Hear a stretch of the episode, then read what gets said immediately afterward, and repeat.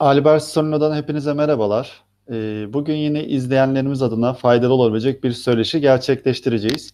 Ee, bugün yatırım teşvik, daha çok duyulan adıyla da yatırım teşvik belgesini ele alacağız. Ee, bilindiği gibi her ülkenin e, kendine özel teşvik politikası mevcut. Ülkemizdeki yatırım teşvik sistemi nasıl? Yatırım teşvik belgesi nedir? Çeşitleri nelerdir? E, yatırım teşvik bölgeleri nelerdir?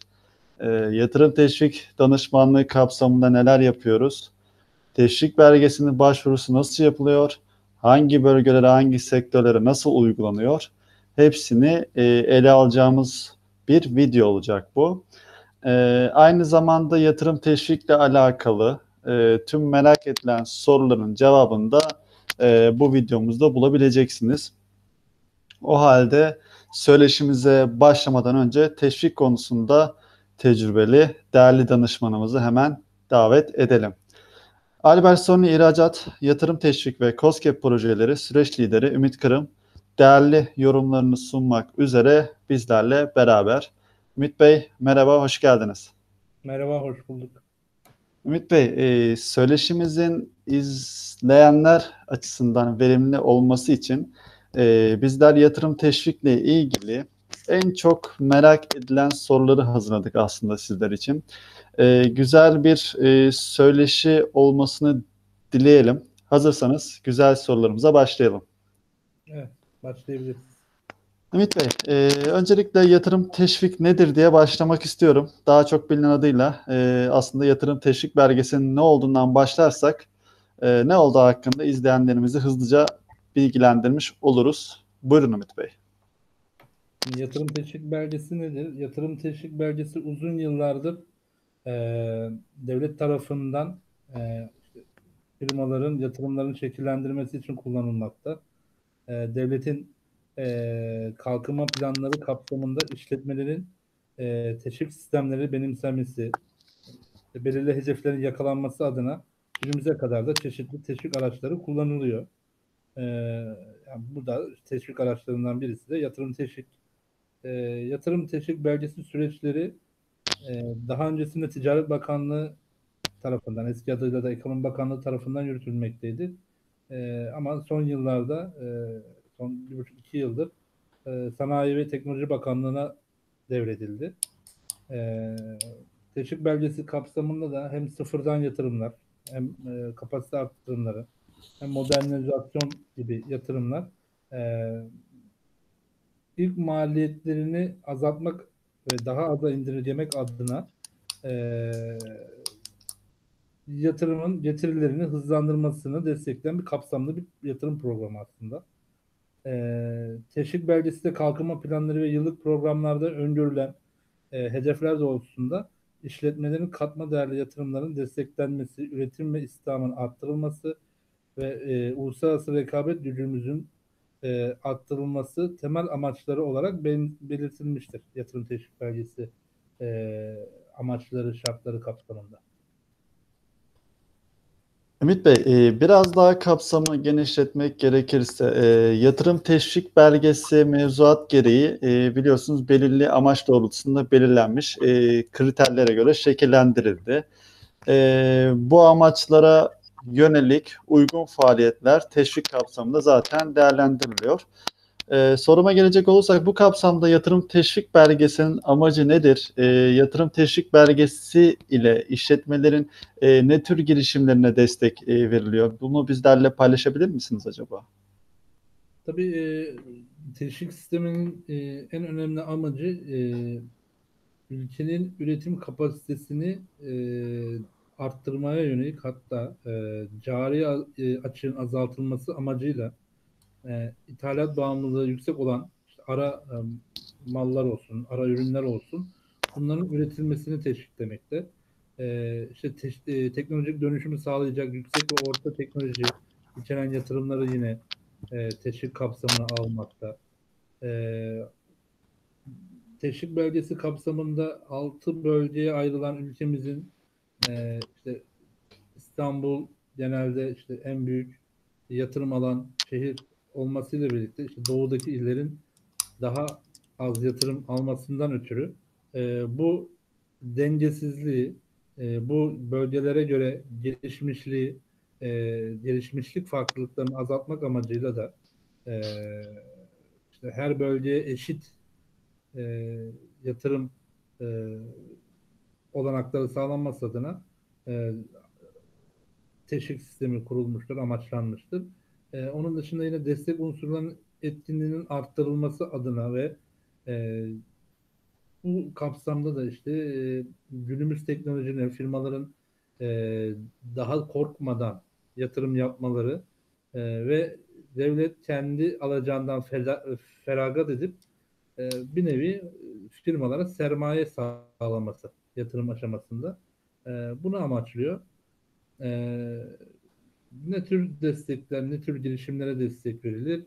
Burada tabii genel anlamda firmaların bütün üretimleri destekleniyor aslında. Yani burada teşvik sistemi içerisinde belli teşvik alt kolları var. Birazdan onlara da anlatırız. Üretim konularına göre, üretim yerlerine, illerine göre faaliyet gösterdikleri alanlara göre alabilecekleri birçok teşvik var bu sistemde. Aslında yani hizmet de destek alabilir.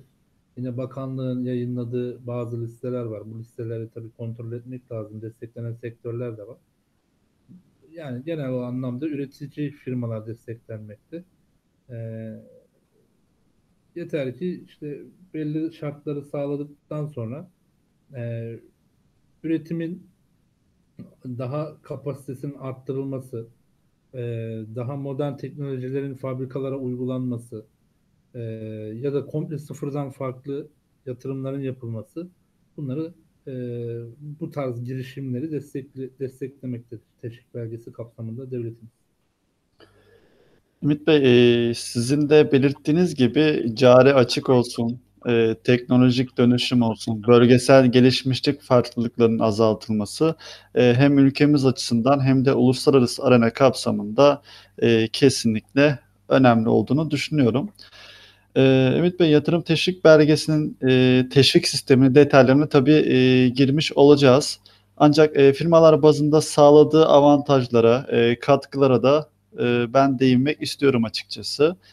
E, elbette bu durum yatırımın yapılacağı yere, e, sektöre veya diğer detaylara bağlı olaraktan değişiklik gösterecektir. Ancak e, yatırım teşvik konusunda firmalar açısından avantajlar nelerdir? Ee, burada benim işletme sahibi olduğumu düşünürseniz e, ve haliyle ben de bunun bana katkısının ne olduğunu bilmek isterim. Nedir e, bana sağladığı avantajlar Ümit Bey? E, tabii burada e, firmaların yani günümüzde e, en büyük sıkıntıları e, yatırım aşamasındaki sermaye yapıları. Yani her e, yatırım fikri akıla zamana geldiğinde e, firmalar tabii bu nakit harcamaları nedeniyle e, yani korkarak, korkarak yaklaşıyor. Belki kısa vadede değil de uzun vadede yapıyor. Tabii bu uzun vadede olması da kısa vadede gerçekleşmesiyle birlikte belki daha çok kazanç sağlanacakken e, belki uluslararası arenada da e, daha fazla kazanç sağlanacakken e, uzun vadeye yayılarak bu kazancı bölmüş oluyor ve belki daha verimi düşmüş oluyor. Şimdi burada devletin e, verdiği firmalara avantajı ne? Birincisi zaten vergisel işte e, yükümlülükleri işte SSK tarafındaki yükümlülükleri firmadan belli oranlarda almayıp bu almadığı tutarları hani e, sermaye olarak kullanmasını sağlıyor. Mesela bu almadığı tutarlar nedir? Bu istisnalar nedir?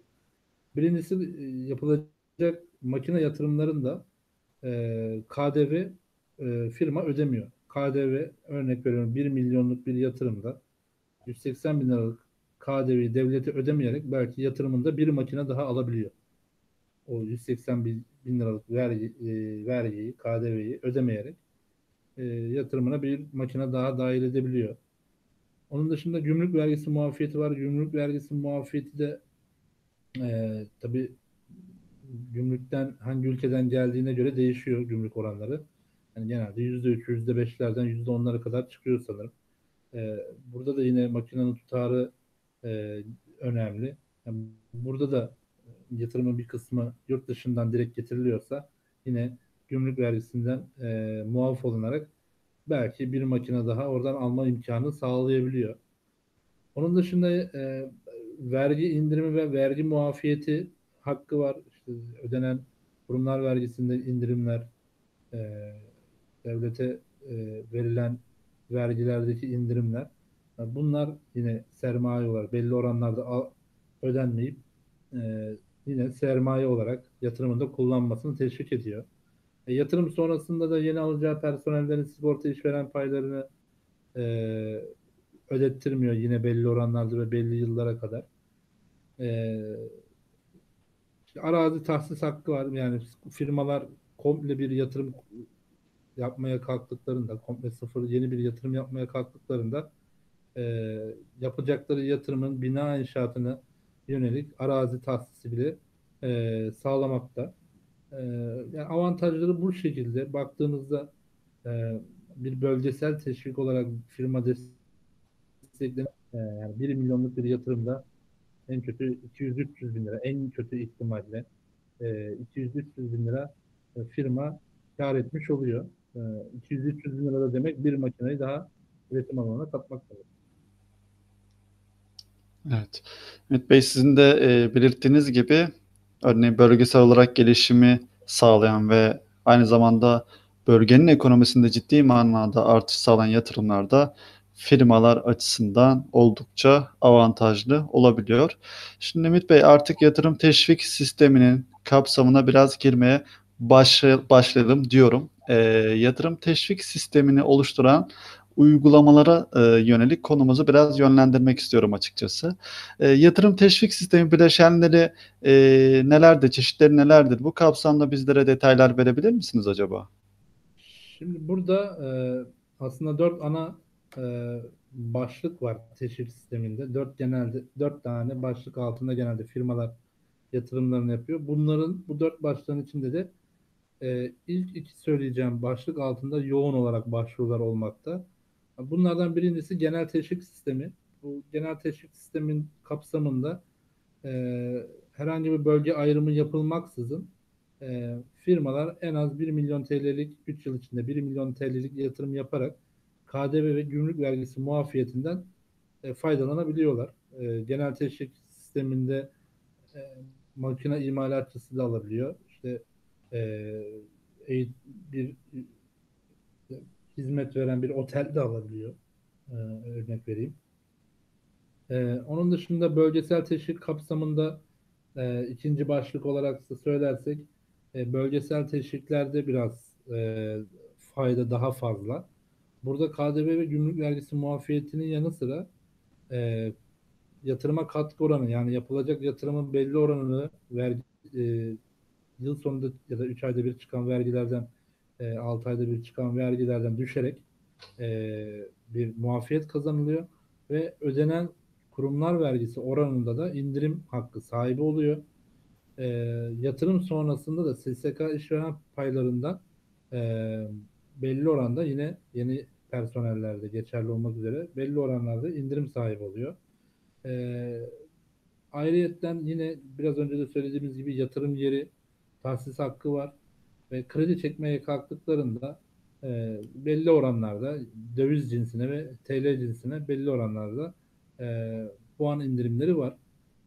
E, üçüncü başlıkta stratejik yatırımlar devletin belirlediği bazı konular var. E, cari açığı arttıran e, ve onların üretilmesi, bu cari açığın azaltılmasına yönelik bazı yatırım konuları var. E, bunları destekleyerek işte minimum 50 milyon TL'lik e, yatırımları e, dahil ediyor bu e, yatırım kapsamında. E, ve dördüncü başlıkta öncelikli yatırım konuları. Yine öncelikli yatırım konuları da devletin yayınladığı yatırım bazı teknoloji seviyeleri yüksek e, yine cari açı arttıracak e, yatırımlar büyük montanlı yatırımlar desteklenmekte. E, verdiği destek konuları da bölgesel teşvikteki gibi e, KDV gümrük vergisi muafiyetinin yanı sıra e, kurumlar vergisi ve kurum vergi, e, muafiyeti ve kurumlar vergisinde indirim hakkına sahip oluyor. E, SGK e, işveren payı, e, arazi tahsis hakkı ve kredi puan indirimi, faiz puan indiriminden de faydalanabiliyorlar. Evet. Ee, teşekkürler Ümit Bey. Ee, yatırım teşvikle ilgili unsurlar doğrultusunda e, sizlerin belirttiği gibi çerçeveyi de e, çizdikten sonra e, yatırım teşvik belgesini almak için e, yatırım teşvik bölgelerinde belirtilen destekleri e, alma noktasında konumuzu detaylandıralım istiyorum. Ümit Bey bu doğrultuda e, kimler yatırım teşvik belgesi alabilir? E, yatırım teşvik belgesi başvurusu yapabilmek için e, diğer bir ifadeyle teşvik kararı ile belirtilen belirlenen yatırım teşviklerinden e, faydalanabilmek için e, firmaların yapması gerekenler nelerdir? E, bilgi verebilir misiniz bizlere? Burada tabii firmaların Türk Ticari Kanunu'na göre kurulması lazım. Sadece tabii özel sektöre destek verilmiyor e, bu kapsamda. E, yani devletin kendi kamu kurumları da olsun, kooperatifler olsun, bunlar da destek kapsamına, dernekler olsun, vakıflar olsun, bunlar da teşvik kapsamına girebiliyor. Tabii burada e, norm, zaten kurulu şirketler resmi olarak bütün görevlerini yerine getirmiş oluyor ama sıfırdan mesela yatırım yapmaya e, isteği olan e, ama tüzel kişiliğe bürünmemiş e, firmalar öncelikle bu tüzel kişiliklerini e, tamamlayıp e, daha sonrasında başvuru yapmaları gerekiyor. E, onun dışında firmalar bu şeyleri araştırması lazım. Yani yapacakları yatırımlar hangi konulara geç, e, dahil olabilir? E, bölgesel mi yoksa genel teşvik midir? Ya da yapacakları yatırım tutarlarını iyi analiz etmek lazım. E, bu doğrultuda tabii bakanlığın yayınladığı listeler ve bakanlığın yayınladığı e, bilgiler var. Genelde bunun araştırıldığında bakanlığın sayfasına girildiğinde bakılabiliyor. E, bu doğrultuda kendi sektörlerini, kendi faaliyetlerini yapacakları yatırım konuları e, ne tür teşvik alabilir? Bunları araştırmaları lazım önden. Tabii başvuru yaparken de bu doğrultuda zaten e, kanunlar kapsamında hangi kanundan yararlanacak yararlanma e, durumları varsa ona göre e, başvuru aşamasında bu şekilde giriş yapmaları gerekiyor. E, en önemli şey Türkiye'de yerleşik firma olması ve Türk Ticaret Kanunu'na göre kurulmuş olmaları gerekiyor. Özellikle. Evet. evet. Ümit Bey peki işletmeler açısından e, soru işareti yaratan bir durum var aslında. İlla yeni bir tesis ve yatırım mı yapılmalı şeklinde sorular gelebiliyor. E, bu doğrultuda işletmeler mevcut tesis için teşviklerden faydalanabiliyor mu? Tabii mevcut tesis için de faydalanabilir. E, zaten burada e, halihazırda kurulu e, tesisine e, kapasite arttırımı, te, e, buna tevsi yatırım da deniyor. E, onun dışında modernizasyon e, ya da ürün, üret, e, ürün çeşitlendirme konularında e, kendileri hani teşvik başvurusunda yap, baş, e, teşvik başvurusunda bulunabilirler. İlla e, sıfırdan yatırım yapmak şartı yoktur. E, mevcuttaki üretim alanlarını da geliştirebilirler. E, yeni makineler de alabilirler. Yan arazi fabrikasının yanında yeni bir arazisi vardır. Oraya da yatırım yapabilirler. Birleştirebilirler. E, illa farklı illere e, farklı sıfırdan yatırım yapmalarına gerek yok. Mevcuda da yapabilirler. Evet. Ümit Bey, e, bilindiği gibi yatırım teşvik belgesi kapsamında yapılan işlemlerin e, hepsi resmi işlemler kategorisindedir. E, bu nedenle yatırım teşvik belgesinin alınması noktasında öncelikle e, proje sahibinin ve gerçek kişilerin belirli koşulları yerine getirmesi gerekiyor ve bekleniyor. E, bu da yatırım teşvikle ilgili e, sürecin nasıl işlediğiyle ilgili e, detayları da tabii ki öğrenmek gerekiyor. E, yatırım teşvik belgesi nasıl alınır? E, bu durumu bizlere detaylandırabilir misiniz acaba? Şimdi yatırım teşvik belgesini e, almak isteyen bir firma ilk önce SSK borcunun olup olmadığını kontrol etmesi lazım. Bunlar zaten aylık e, ödenen borçlar olduğundan dolayı her ay e, güncel SSK borcu yoktur yazısı alarak e, öncelikle bu belgeyi ellerine alması lazım. Çünkü SSK borcu varsa eğer bir firmanın e, yatırım teşvik belgesinden faydalanamıyor. E, akabinde bu engeli atladıktan sonra e, Ekonomi Bakanlığı'ndan Sanayi Bakanlığı'na devrolan teşvik belgesi süreçleri e, Sanayi Bakanlığı'nın Teşvik Uygulama ve Yabancı Sermaye Genel Müdürlüğü tarafından artık yürütülmekte. E, devirden sonra da artık e, bakanlığın bünyesinde bir online sistem oluşturuldu ve bu online sistemde e, uzun adı elektro, e, elektronik teşvik uygulama ve yönetim sistemi kısa adıysa E2 sistemi e, bu sistem üzerinden e, teşvik başvuruları yapılmakta. E, bu sisteme girişimizi nasıl sağlıyoruz? Bu sisteme ilk önce firma e, kendi bünyelerinde imza yetkilisi ve e-imza sahibi olan bir kişiyi e, yetkilendirme e, başvurusu yaparak yetkilendiriliyor. Daha sonra bu kişi üzerinden e, e-devlet ile sisteme girerek e, firma bilgilerinin güncellemesi yapılıyor. Faaliyet alanları, e, yaptığı işler, e, genel adres bilgileri, telefon bilgileri, kep adresi bilgileri bunları giriliyor. Akabinde de bunu gönderdikten sonra, bu ikinci işlemi de yaptıktan sonra sistem aktif oluyor. Sistem aktif olduktan sonra artık teşvik belgesiyle ilgili e, yapılacak e, yatırımın konusu, yatı, yapı, e, yapılacak yatırımın nereye yapılacağı adresi, e, bölgesel teşvikse bölgesel teşvik unsurlarının e, gerektirdiği işte inşaat, makine yatırımı bunların girilmesi.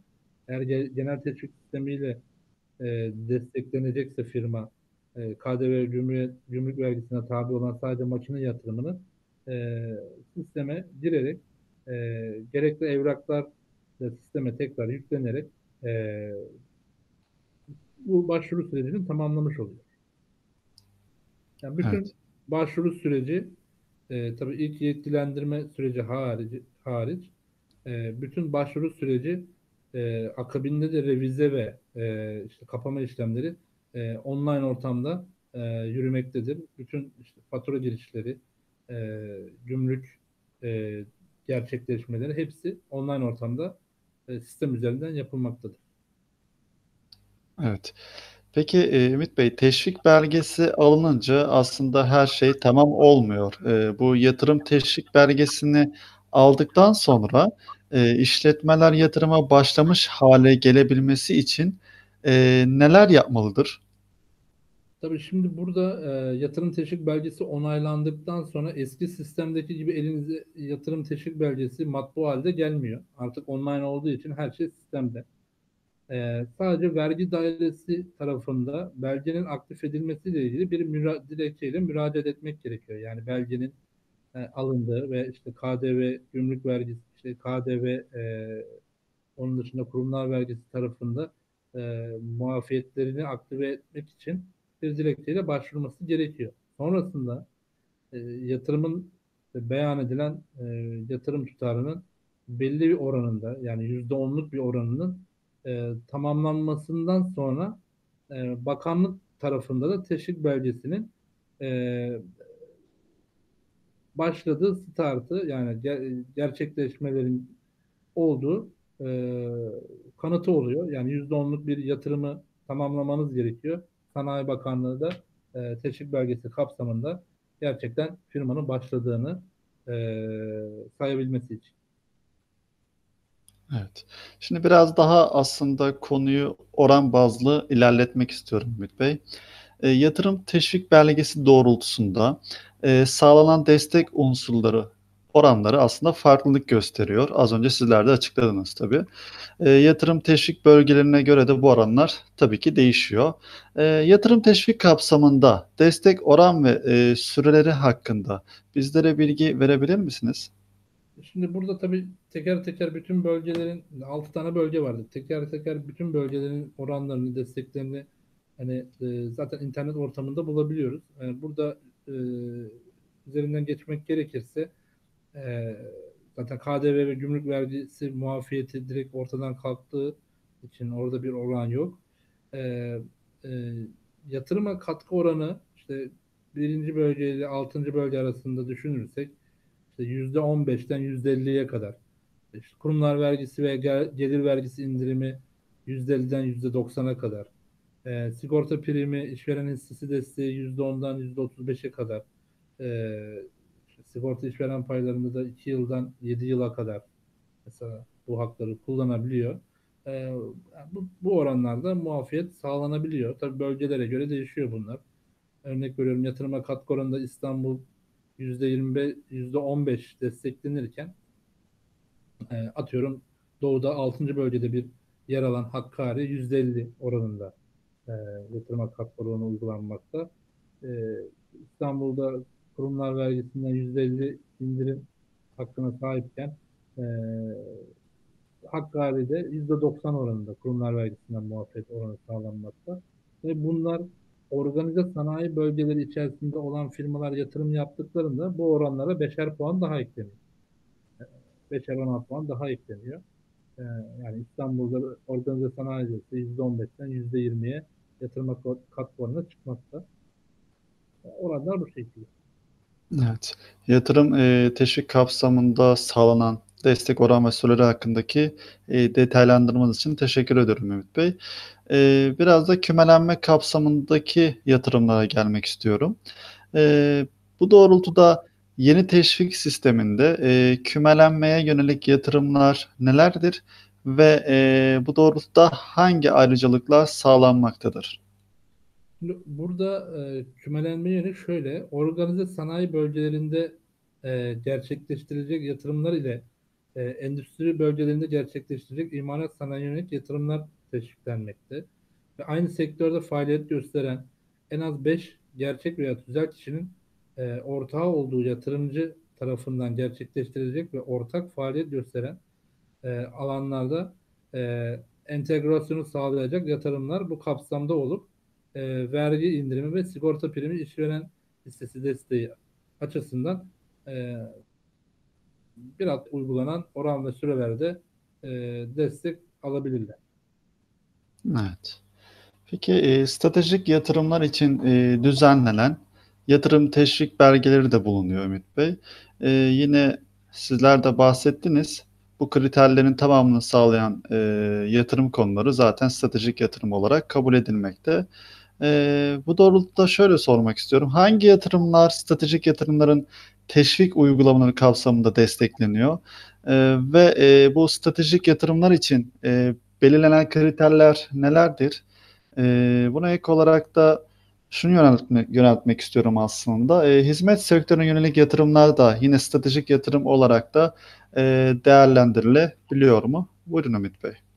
Şimdi burada tabii e, yani şöyle söylemek gerekir. Stratejik yatırımlar e, biraz önce de söylediğimiz gibi cari açın azaltılması amacıyla e, ithalat, bağ, ithalat bağımlılığı yüksek ürünlerin üretimine yönelik e, uluslararası rekabet gücümüzü arttırma potansiyeline sahip e, stratejik önemi haiz yatırımları destekler bu kapsamda.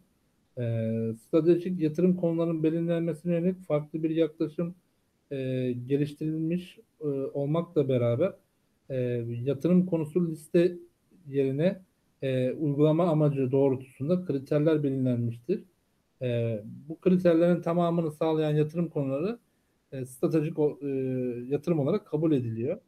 E, bunlar nedir? E, örneğin e, asgari sabit yatırım tutarı 50 milyon Türk lirasının üzerinde olması gerekiyor. E, onun dışında yatırım konusu ürünle ilgili yurt içi toplam üretim kapasitesinin ithalattan az olması gerekiyor.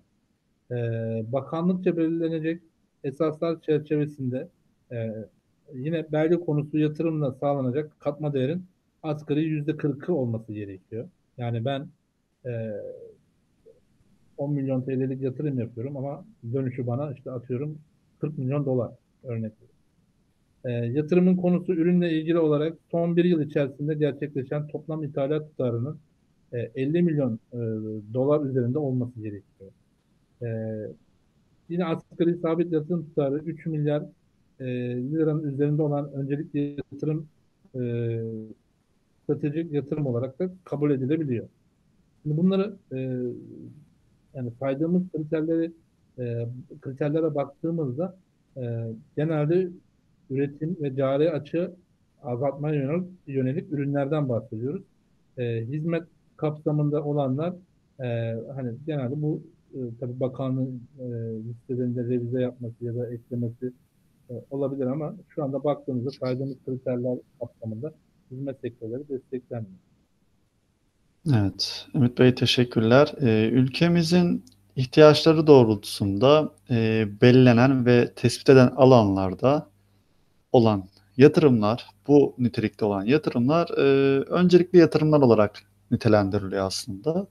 Bu kapsamda bu öncelikli yatırımlar e, durumunun detayına girmek gerekirse öncelikli yatırım konuları nelerdir? Bununla ilgili bizleri e, bilgilendirebilir misiniz Ümit Bey?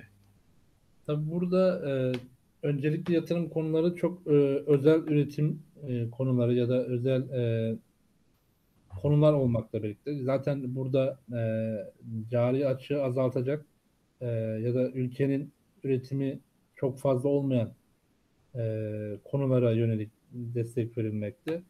E, örnek veriyorum burada e, savunma sanayine yönelik yatırımlar olabilir. İşte e, motorlu kara taşıtları mesela işte otomobil tarzında ya da otomobil yan sanayi bunlar mesela ya da işte otomobil motoru üretimine yönelik yatırımlar olabilir. Ha, bunların hepsini e, e, üzerinde bütün sektörleri tabii durmak e, çok zaman alır. E, yani bunlar belli başlı şeyler. Zaten internet ortamında da yani bizim web sitemizde de bunları yaz, yazmakta. E, özel spesifik konular e, öncelikli yatırım konularına girmekte ve ya, yatırım miktarları da e, büyük montanlı olmakta. E, mesela motorlu taş, taşıtları ile ilgili asgari 300 milyon TL tutarında yatırım yapılması gerekiyor. Örnek veriyorum. E, onun dışında e, mesela ne olabilir? E, bakıyorum tekrar şöyle. Asgari 50 milyon TL tutarındaki sıvılaştırılmış doğal gaz yatırımları mesela örnek veriyorum. Genelde yüksek meblağlı üretim konuları. Evet. Peki Ümit Bey, bu söyleşimizin e, bundan sonraki kısımları aslında kafa karışıklığının en çok olduğu sorular olacak. E, elbette ki firmaların da en çok sorduğu sorular e, bunlar. Şimdi o sorulardan biri e, yatırım projeleri için e, diğer bir kamu e, kuruluşundan destek almakta olan bir firma için e, bu projeleri için yatırım teşvik belgesi alabiliyorlar mı? E, bunu öğrenmek istiyoruz aslında. Şimdi eğer bir e, kamu kurumundan firma destek alıyorsa bir makine için aynı makineyi e, teşvik belgesi kapsamında alamaz. E, çünkü burada e, devletin benim sana verdiğim e, bir destek varsa bir konuyla ilgili ikinci bir yerden yine benden destek alamazsın demektir. E, bundan ötürü de e, bir kamu kuruluşundan yani bir konuyla ilgili bir e, e, gider kalemiyle ilgili iki farklı ya da üç farklı kamu kurumundan destek alınamaz. Yani bu da teşvik belgesi de bunun içine dahil. Ancak şöyle bir e, durum olabilir. E, devletin verdiği krediler var.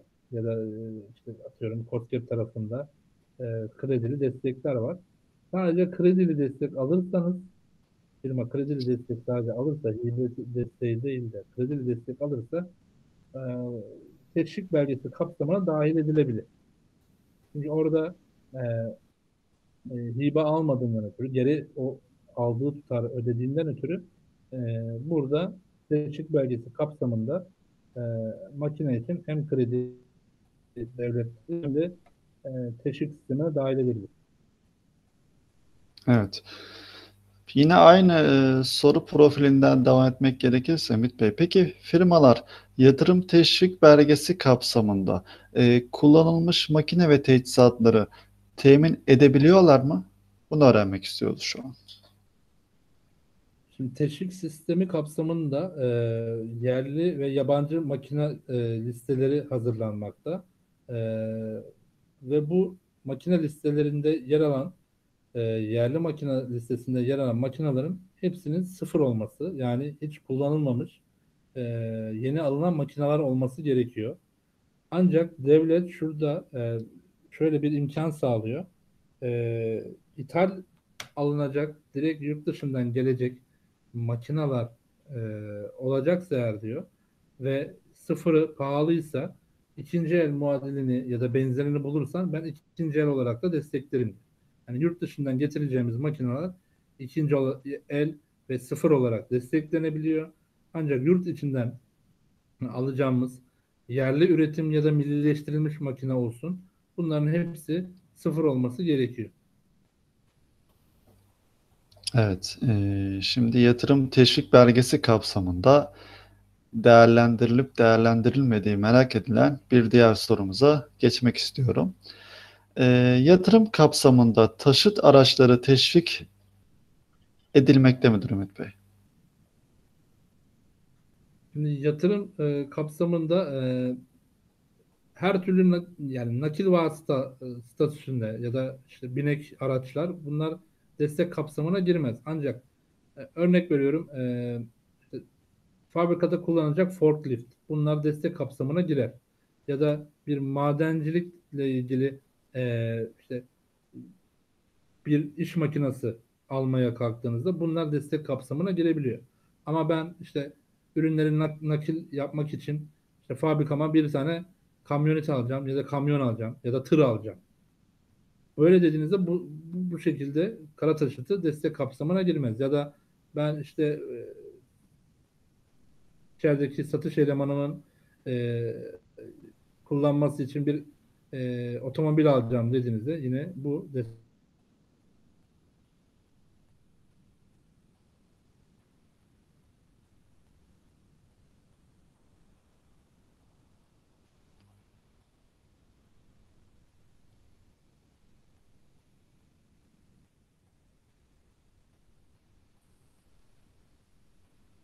Teşekkürler Ümit Bey. Ee, bir sonraki sorumuza geçecek olursak bu doğrultuda, ee, yatırım teşvik belgesi kapsamında inşaat giderleri destekleniyor mu peki? E, yatırım teşvik belgesi kapsamında inşaat giderleri desteklenir. E, şöyle destekleniyor. E, genel teşvik sisteminde bu inşaat giderleri desteklenmiyor. Bildiğiniz gibi ge- genel teşvik sisteminde sadece KDV ve gümrük vergisi muafiyeti var. Ancak bölgesel teşviğe e, baktığımızda inşaat giderleri e, desteklenmekte. Bölgesel işte öncelikli ve stratejik yatırımlarda inşaat giderleri desteklenmekte. E, fakat inşaat giderleriyle ilgili yaptığımız harcamalarda KDV'yi öderiz. Sadece yatırıma katkı oranı yani yapacağımız inşaat harcamasının belli oranda e, kurumlar vergisinden muafiyet hakkı var. İnşaat gideri e, KDV'si ödenmekte. Sadece vergi indirim hakkına sahip olarak e, vergiden düşmekteyiz belli oranda. Evet. Yine e, yatırım teşvik belgesi alındıktan sonra e, en çok karşılaştığımız sorulardan bir tanesi olacak aslında bu. E, firmalar yatırımlarının teşvik belgesini, yatırım teşvik belgelerini belirtilen sürede tamamlayamaması halinde ek süre talebinde bulunabiliyor mu? Bunu öğrenmek istiyoruz Ümit Bey. Tabii burada e, belirli yani teşvik belgesini aldığınızda 3 yıllık bir süre içerisinde teşvik belgesini alıyorsunuz. E, burada bu teşvik belgesini 3 yıl içinde atıyorum 1 yıl içinde de yatırımını tamamlayabilirsiniz. 3 yılda da tamamlamayabilirsiniz. 3 yıl size yetmediğinde e, devlet diyor ki ben 1,5 yıla kadar e, sana e, ek uzatma hakkı veririm diyor. Yalnız burada firmalar e, 3 yıl tamamlandıktan sonra değil de e, son böyle 5-6 ay kala e, bak e, baktılar yatırım tamamlanmıyor. Müracaatını yaparak e, erkenden bu hakkı almaları gerekiyor. Çünkü bakanlık sürede olduğunda e, hem seçip kap- e, kapama sürecine girmesini istiyor firmayı e, hem de alınabilecek makineler olası, olası bir durumda e, tarih artık belge süresi tamamlandığı için yeni makine alımları olduğunda bu süre sonrasında makineler alındığında teşvik kapsamına girmeyebilir. Ama bir buçuk yıla kadar uzatma hakkı her zaman her firmaların, bütün firmaların e, bu teşvik e, sistemli içindeki unsurları hangisi olduğu fark etmeksizin genel teşvikte de geçerlidir. Bölgesel teşvikte de geçerlidir. E, en fazla bir buçuk yıla kadar uzatma hakkına sahipler. E, mücbir sebep bil- bildirerek. Evet. Ümit Bey, e, bilindiği gibi teşviklerden yararlanmak için öncelikle e, firmaların bunlardan haberdar olması ve bilgi sahibi olması gerekiyor. E, Albert Solino olarak bizler bu noktada e, nasıl katkı sağlıyoruz?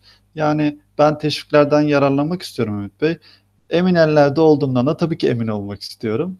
E, bu noktada e, firmalara firmalara yaklaşımınız, e, yatırım teşvik danışmanlık noktasında katkılarınız e, nelerdir? Bizlerle paylaşır mısınız? Şimdi burada tabii biz e, teşvik belgesi kapsamında firmalarla görüşmeye gittiğimizde e, ilk önce tabii yatırımlarını dinliyoruz. Firmanın faaliyetleri e, nedir, üretim konusu nedir bunları bir e, önden alarak e, firmanın hangi yatırım konusuna tabi olacağını bir önden araştırıyoruz zaten. E, buna göre de doğru yatırım e, konusuna göre e, firmayı yönlendiriyoruz. Burada tabii bölgesel olup olmadığını e, ya da hangi yakın illerde mesela firmalar sorabiliyor ya da yakın yerlerde hangi iller olabilir, e, nerelerde yatırım yapabiliriz diye bunları e, karşılıklı konuşarak e, dinliyoruz ve e, ona göre ortaya bir tablo çıkartıyoruz. E, bunlar bu işlemler bittikten sonra da e, ilk ön analiz, ön raporlama süreçleri bittikten sonra da e, firma okey verdiği zaman e, zaten başvuru süreçlerine başlamış oluyoruz. Burada yetkilendirme işlemlerini e, hemen hızlıca start vererek e, firmada bir kişiyi yetkilendiriyoruz. E, kendisi üzerinden, firmadaki yetkili bu kişi üzerinden e, akabinde firmanın e,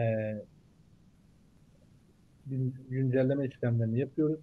E, sonrasında zaten sistem aktif olduğu e, olduğunda e, hemen yatırım teşvik e, konusuna tabi olan makine yatırımı, inşaat yatırımı e, ya da genel harcamaları ne olacaksa bunların girişlerini yaparak yatırımın e, genel anlamdaki içeriğini yine proje konusu olarak e, teşvik sistemine yansıtarak başvurusunu yapıyoruz. Bakanlık yani tarafında da süreçleri takip ederek e, teşvik belgesi onaylanana kadar ki bütün süreci e, firma için biz sırtlanıyoruz.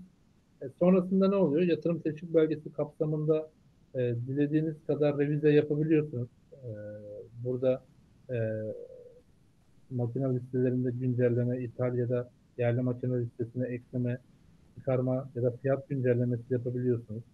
E, bu güncellemeleri dilediğiniz kadar yapabiliyorsunuz. E, sonrasında kapama işlemi de oluyor. Bu kapama işlemi de yapıyoruz. Yani güncelleme, revize işlemleri, kapama işlemleri, başvuru işlemleri ve yetkilendirme işlemleri olarak bütün süreçleri e, firma için bizler yapıyoruz.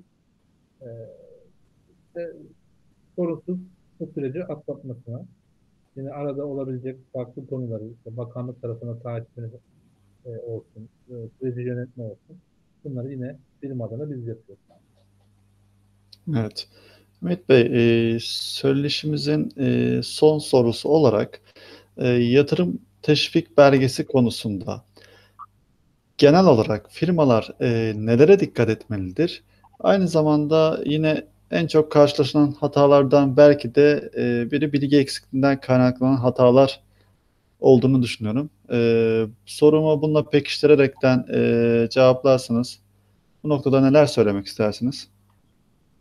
Burada nereye dikkat edilmesi gerekiyor? Tabii bir önce kendileri hani e, yapacakları yatırımın nasıl teşvik alacağını bunu belirlemesi lazım. Şimdi firmalar, firma her firma yapısı birbiriyle farklı oluyor.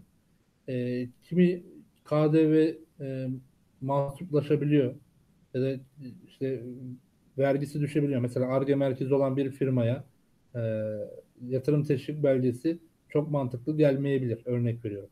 Ya da bir e, işte yurt dışı ihracatı, yurt dışı satışları %90 oranında yurt dışına satış yapan bir firma zaten KDV'yi e, mahsuplaşacağı için devletle e, alacaklı konumda olduğu için e, ikinci bir kez KDV hakkı yani genel teşvik sisteminden faydalanması e, mantıklı olmuyor. Bunları araştırıp başvuru yapmak lazım. E, yapılacağı yatırımın şimdi burada asgari tutarlar var. Örnek veriyorum genel teşvik sisteminde başvuru yaptığında firma 3 yıl içinde en az 1 milyon TL'lik yatırım yapması lazım. Bu iş bölgesel teşviğe geldiğinde yine yatırım konularına göre, sektörlere göre değişmekte olur. İşte atıyorum 3 yıl içinde 4 milyondan, 5 milyondan, işte 2 milyondan e, başlayan e, minimum rakamlar var. Bu rakamlara da dikkat etmesi lazım. Yani gerçekleştiremeyeceği e, yatırımı e, teşvik belgesi almak için yansıtırsa e, ileride sıkıntı olur. İleride bu yatırımı 3 yıl içinde süre uzatımı ile birlikte bir buçuk yılda eklendikten sonra dört buçuk yıl içerisinde bu yatırımı tamamlayamadığında minimum tutarları e, yatırım tutarını tamamlayamadığında taahhüt ettiği devlet verdiği hakkı faiziyle geri alıyor. E, o yüzden burada iyi analiz edilmesi lazım. E, yapılacak yatırımı e, iyi oturtmak lazım. E, sadece yatırım konuları da firmaya e, ne kadar katkı sağlar, uygun mudur? Onları da önden e, araştırılıp analiz edilmesi gerekiyor. Evet, Ümit Bey, söyleşimizin sonuna geldik. Ee, bugün izleyenlerimiz açısından faydalı olması için oldukça e, fazla sorular sormaya çalıştık. Ee, kapsamlı bir söyleşi oldu. Ee, umarım izleyenlerimiz için de faydalı ve e, merak ettiklerinin cevabını bulduğu bir video olmuştur. Ümit Bey, vakit ayırdığınız için ben e, teşekkür ediyorum. Değerli yorumlarınız için teşekkür ediyorum. Ağzınıza sağlık. Ben teşekkür ederim. Ee, bir başka söyleşimizde yine görüşmek üzere. Hoşça kalın.